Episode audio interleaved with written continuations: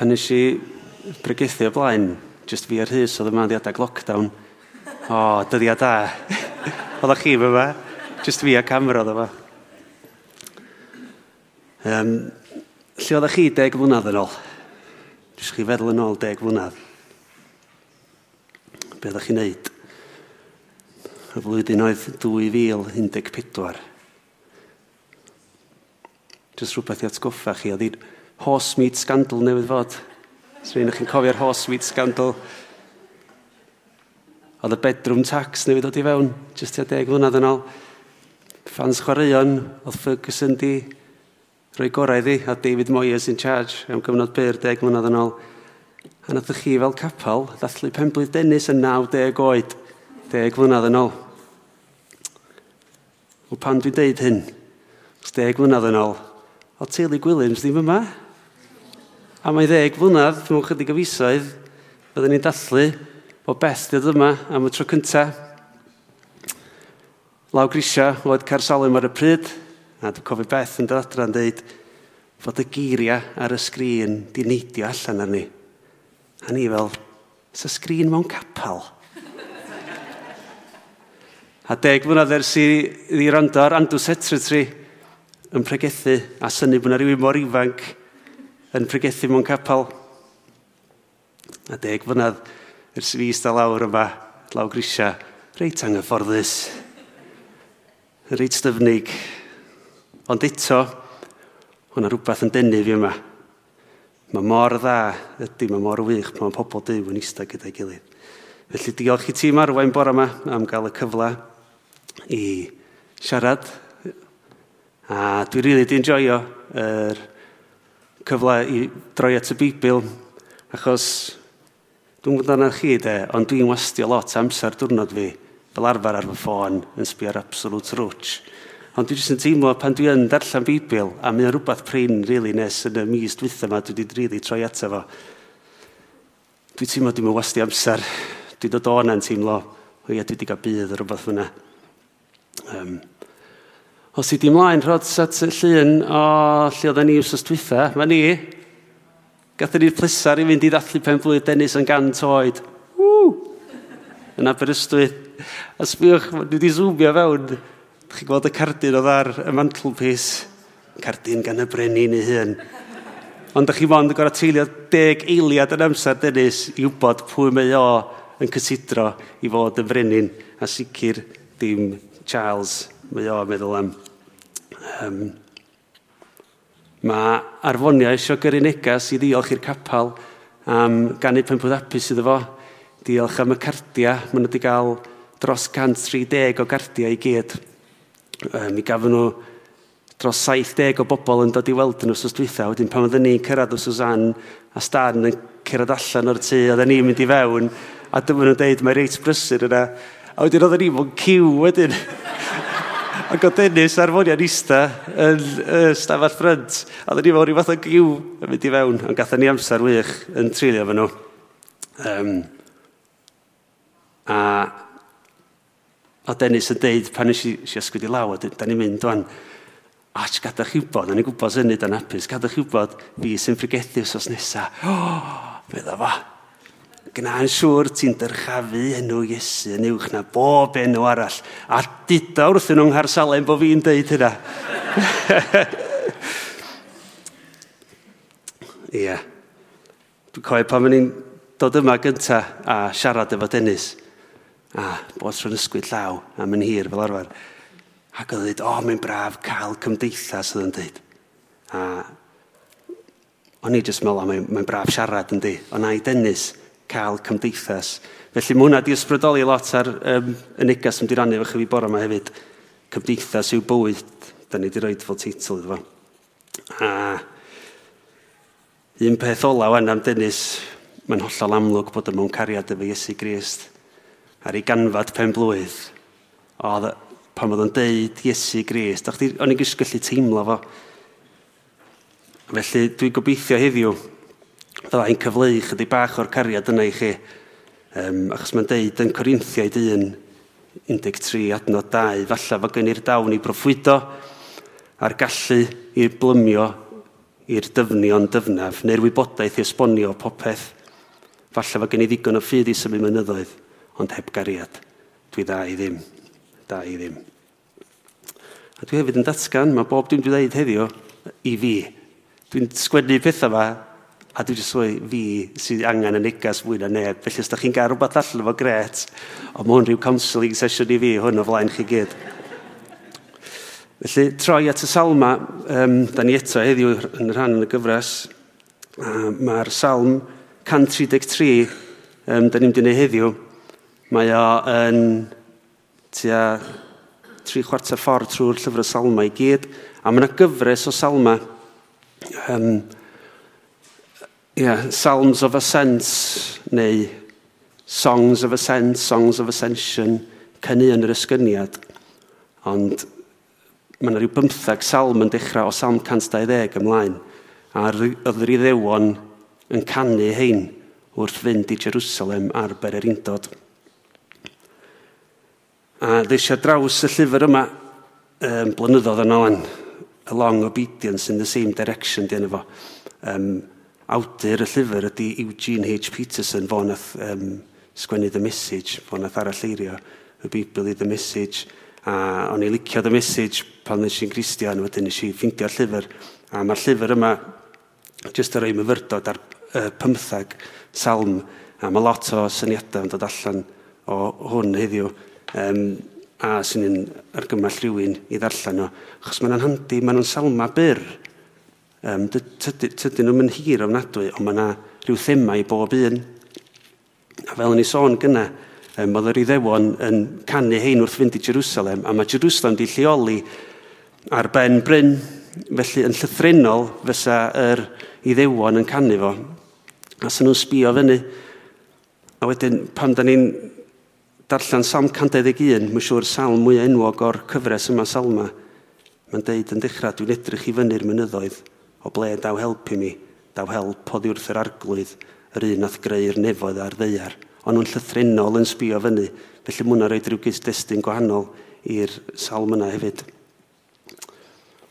A da ni'n gwybod fod Iesu hun di mynd ar bererindod i Jerusalem bob blwyddyn.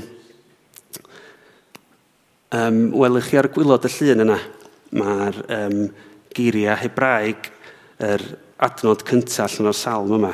Wedyn nes i gwglo salm 133, a ddyr i ddewon, mae'n rhyw gan enwog, mae rhaid yr ddiriddewon yn canu, a dwi'n argymell chi wrando na fo, achos mae'r mae can yn reit catchy.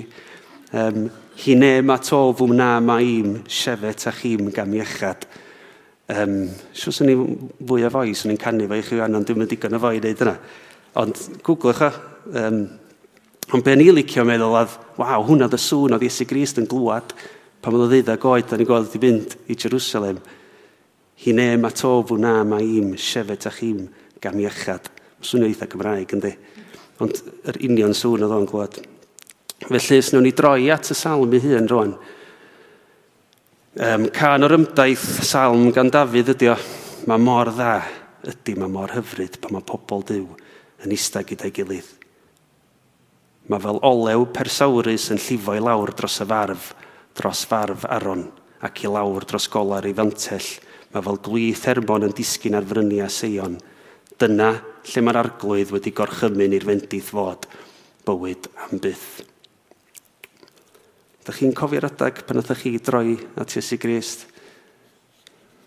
Dych chi'n cofio bywyd cyn, bywyd ar ôl, Os yn pobl licio fan y fideo, pan maen nhw'n troi at Iesu Gris, maen nhw'n dod yn rhan o deulu Dyw. Mae bod yn aelod o'r eglwys yn gynlyniad o'r ffydd yn Grist. Wrth gwrs, mae yna lot o grisnogion ddim yn dod i'r capal neu eglwys o gwbl, ond maen nhw'n dal yn aelod o deulu Dyw. Achos di Dyw ddim yn neud deals preifat efo ni, yn dim yn dod ata ni Mae yna degau preifat, mae nhw'n degau intimate, ond mae'r deal ei hun byth yn preifat, Mae hwnna'n rhywbeth sy'n cael ei gyhoeddi. A fel mae Eugene Peterson yn deud yn ei lyfr, does na ddim un Cristion yn unig blentyn. Ond, dydy dod yn Cristion ddim yn golygu bod ni'n dod yn rhan o deulu cytun a hapus. Yn anffodus, diolch yn stopu ni fod yn bechaduriad. Mae'r bywyd cyn Christ yn dal y gael effaith ar y bywyd ar ôl i ni ddod i gwylio Nesu Crist. Os mae pobl yn gymlaeth, da ni'n gymlaeth. Pan ddari rhywun ofyn Iesu Grist, be di'r gorchymyn pwysicau un, nath o ddeud, rwy ti garu'r arglwydd dy ddew a holl galon ac a holl enaid a, llo, a tholl feddwl. A chyn i rywun gael cyfle i wneud crefydd brifat ar ben ei hun, nath Iesu Gris ddeud ar yr un gwynt, ond mae yna ailyn sydd yr un fath. Rwy ti garu dy gymydog fel rwy ti'n i garu chdi dy hun. Sa Crisnogaeth gymaint haws, sa fod wedi sticio i'r un cyntaf yna, just caru dyw. O na, mae wedi deud ar yr un gwynt, rhaid chdi garu dy gymydog hefyd. Excuse me.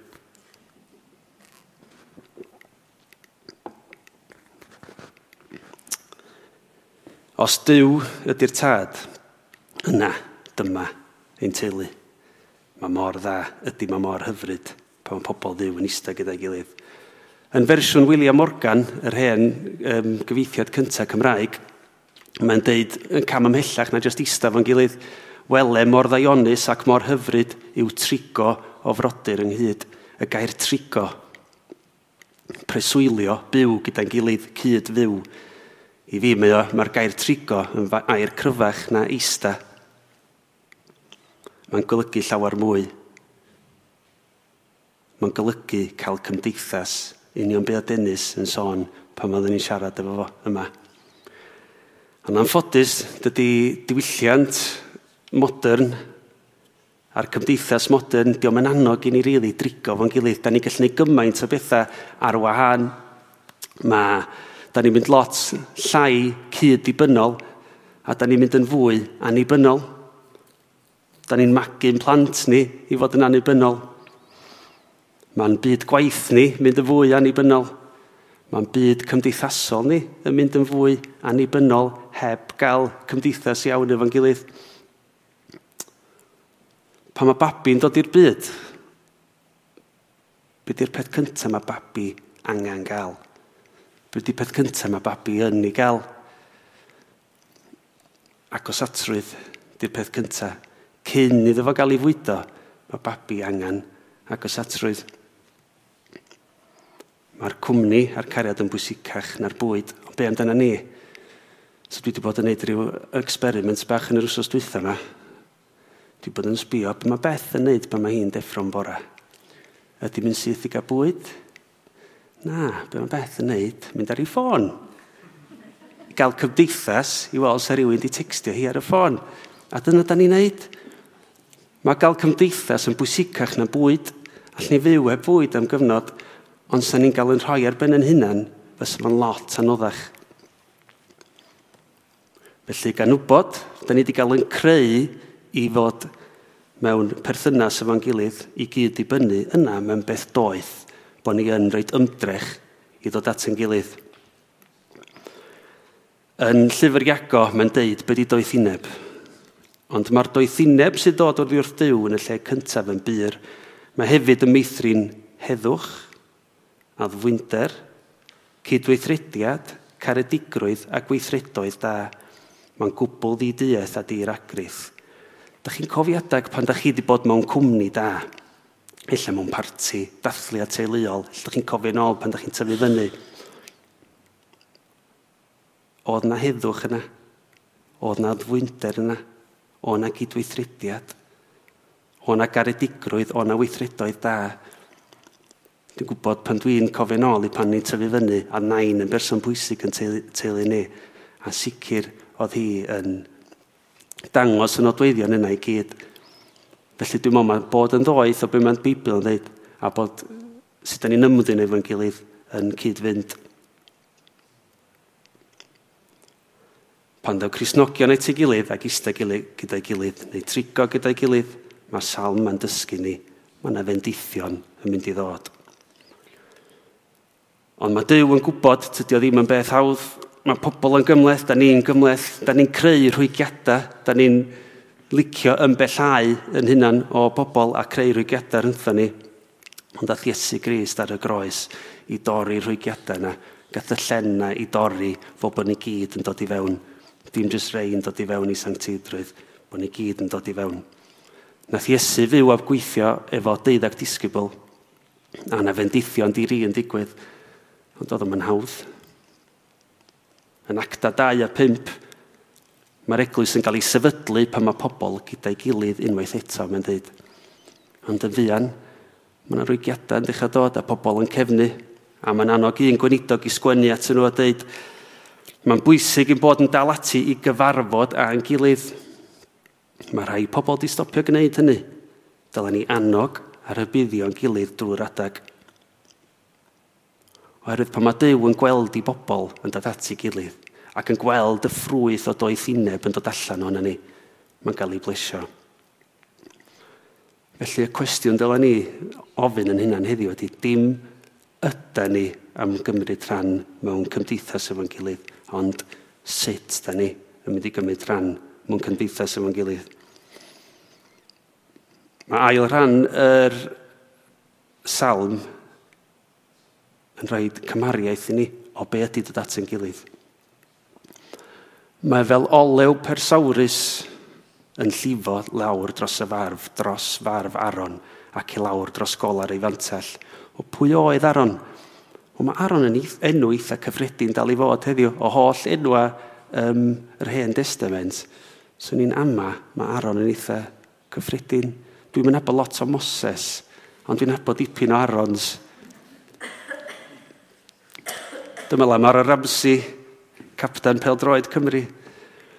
Ar yn rin reit, gigs rygbi sy'n abod, mae o'n, mae on um, chwarae rygbi Gymru. Um, O'n i gobeithio sa Sean Jones yn max mae Aaron Ramsdale, Ramsdale y keeper Arsenal, ond yn Sean yn meddwl, sa fo'n licio hwnna. Ond pwy oedd Aaron? Brawd Moses oedd Aaron. Sbych dwi wedi dysgu hyn yn, yn wsos yma, ni'n licio dysgu fydda. Um, oedd ar un o'r lefiad, a, sef offeiriad, a da ni'n dod i nabod amdano fo'n Exodus 4, Lle mae'n deud, erbyn hyn roedd yr arglwydd wedi digio gyda Moses, iawn, beth am dyfrawd Aron y lefiad, dwi'n gwybod ei fod e'n gallu siarad yn dda.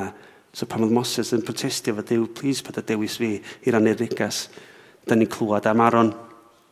Ac os yw'ch chi mlaen i penodau 29 yn Exodus, mae Dyw yr ei gorchymyn i Moses i eneinio drwy dywallt yr olew ar ei ben Dyma sut mae Aron a'i feibion mynd i gael ei hordeinio. Mae olew yn symbol o bresenoldeb Dyw um, ac arwydd o ysbryd Dyw yn y Bibl. Mae olew yn gynnas. Mae'n yn disgleirio. Mae meddalu'r croen. Mae'n rhoi arogl da i bobl. Ac mae hefyd yn fyma yn cynrychioli cymdeithas. Mae yna gynhysrwydd i gymdeithas pobl ddiw. Yn bwysicach yma, mae olew yn cael ei ddefnyddio i eneinio person. Mae'n deud yma fod trigo gyda'n gilydd fel fod Crisnogion yn gweld yr olew yn disgyn i lawr y pen, y gwyneb, y barf, y sgwydda ar y naill Christian a'r llall. Dwi rioed i gael fy eneinio'n iawn. Gysi me dyddio am unwaith, ond un atgof gen i o gael yn eneinioedd pan ma'n i'n syrhyw yn um, pan ma'n i'n ffom on, oedden ni'n gael ar y pryd yn yr hen ysgol Segontiwm.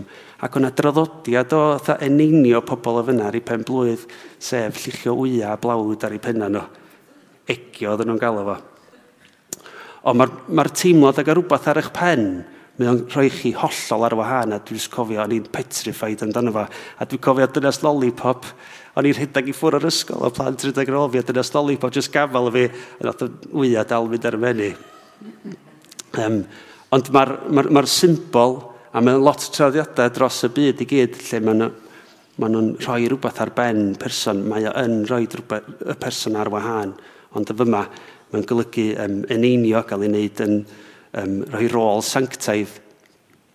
Gafodd Iesu hun i'n einio, um, just cyn uh, diwrnod ath o fynd i Jerusalem ar gefn yr er, um, asyn Um, da ni'n dysgu roedd o'n bwyta pan ddath graig ato gyda jar alabaster hardd yn llawn o bersawr drud a thywallt y persawr ar ei ben.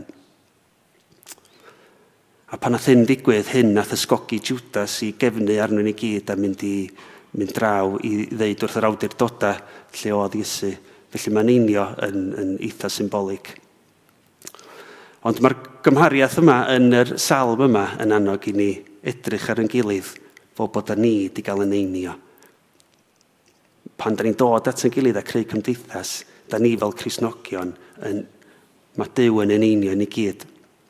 Felly pan da ni'n gweld hynna, mae'n bwnd o gael effaith ar sut da ni mynd i sbio ar yn gilydd pan da ni'n dod i gymdeithas efo'n gilydd. Mae'r ail ddarlun mae'r salm yn ei roi ni ydy mae fel glith Hermon yn disgyn ar frynia Seion. Mae mynydd Hermon bron i dair gwaith uchder y wyddfa. Mae rhyw 2800 metr o uchel. A mae dilioli tua can milltir i ffwrdd o Jerusalem, lle diolch yn agos iawn. Ond oedden nhw'n gallu gweld y mynyddodd mawr yma yn glir. A mae'r gymariaeth yma felly yn cyfeirio bod y glith yn disgyn lawr ar fryniau sych seion. A mae glith y bore, dwi'n meddwl da chi wedi bod yn campio neu carafanio, a da chi eisiau mynd i'r toilet, yn y bloc toilet. A dwi'n meddwl, da chi wedi y camgymeriad yma, da chi'n gwisgo just, oh, neith sgidiau yma. Da chi'n diweddu gwisgo trainers gorau chi, a da chi'n mynd i'r bloc toilet, da chi'n dod yn ôl, da chi'n ollol drenched. Mae glith y bore'n eitha trwchus, a mae glith ar fynydd yn fwy trwchus byth. Um, mae yna ddiod oes Mountain Dew energy drink. Dwi'n gwybod mae'r un o'ch chi'n bod. Dwi'n cynghori neb i yfod o. Chos diolch byd, diolch byd i wneud y Mountain Dew. Mae'n hollol energy drink. Ond mae, mae glith y bore yn, yn rhywbeth mawr, mae'n rhywbeth cry, mae'n rhywbeth trwchus. A mae rhywbeth ffres. Mae'r glith na'n dod bob dydd. Mae'r, diolch yr un glith a diwrnod cynt, mae'n glith newydd bob un diwrnod. Ac felly mae'r Dafydd y fyma yn cymharu pan dyn ni'n dod at yn gilydd. Mae yna rhywbeth ffres yn gallu digwydd yna ni. Mae rhywbeth newydd yn gallu digwydd yna ni. Mae Dyw yn defnyddio ni. Ac felly, wrth ddod at yn gilydd, da ni'n gallu fod yn ddisgwylgar bod na rhywbeth yn mynd i ddigwydd yn, yn brodyr a'n chwiorydd ni yn Grist. Ac felly rhan olaf y salm, dyna lle mae'r arglwydd wedi gorchymyn i'r fendith fod bywyd am byth. O pan mae'n cymdeithas ni yn gynnas fel yr olew, a'r disgwyliadau yn ffres fel gwyth y bora, da ni'n cael blas o fendydd bywyd, bywyd tragwyddol. Ac felly, mae hi'n ddoedd i ni ddod at yn gilydd, i iste, i siarad, cymdeithasu, gwrando, cysuro, gweddio, chwerthin, crio, cytuno, angytuno, madda, ydy farhau, trigo, neu cael cymdeithas. Achos dyna ydy cynllun Dyw o'r dechrau un, o Genesis ymlaen, bod ni'n dod at yn gilydd a cael cymdeithas. Dyma oedd y bwriad. A'i dyma felly byddu her Crisnogion ni, fel ni heddiw yn Gynarfon, sut da ni'n mynd i gael cymdeithas Fel nes i ddeud ar y dechrau, pregath i fi ydy hwn. Sut dwi'n mynd i ddod yn fwy ar ran o'r eglwys yma. Illa fod yn bregath i chi hefyd. Mae yna gyfleoedd i chi ddod a cael cymdeithas yma heblaw am ista yn ystod y gwasanaeth. Mae yna ser bach, cawla chwmni, pobl ifanc, twmpa thawns, gwyl carsalem, grwpiau cymuned, pam bod yr holl bethau yma yn cael ei trefnu? Canys yno gorchmynodd yr arglwydd y fendith, sef bywyd yn dra gywydd, bywyd am byth. Felly dwi am orffan bore yma efo dyfyniad o araith enwog Dr Martin Luther King.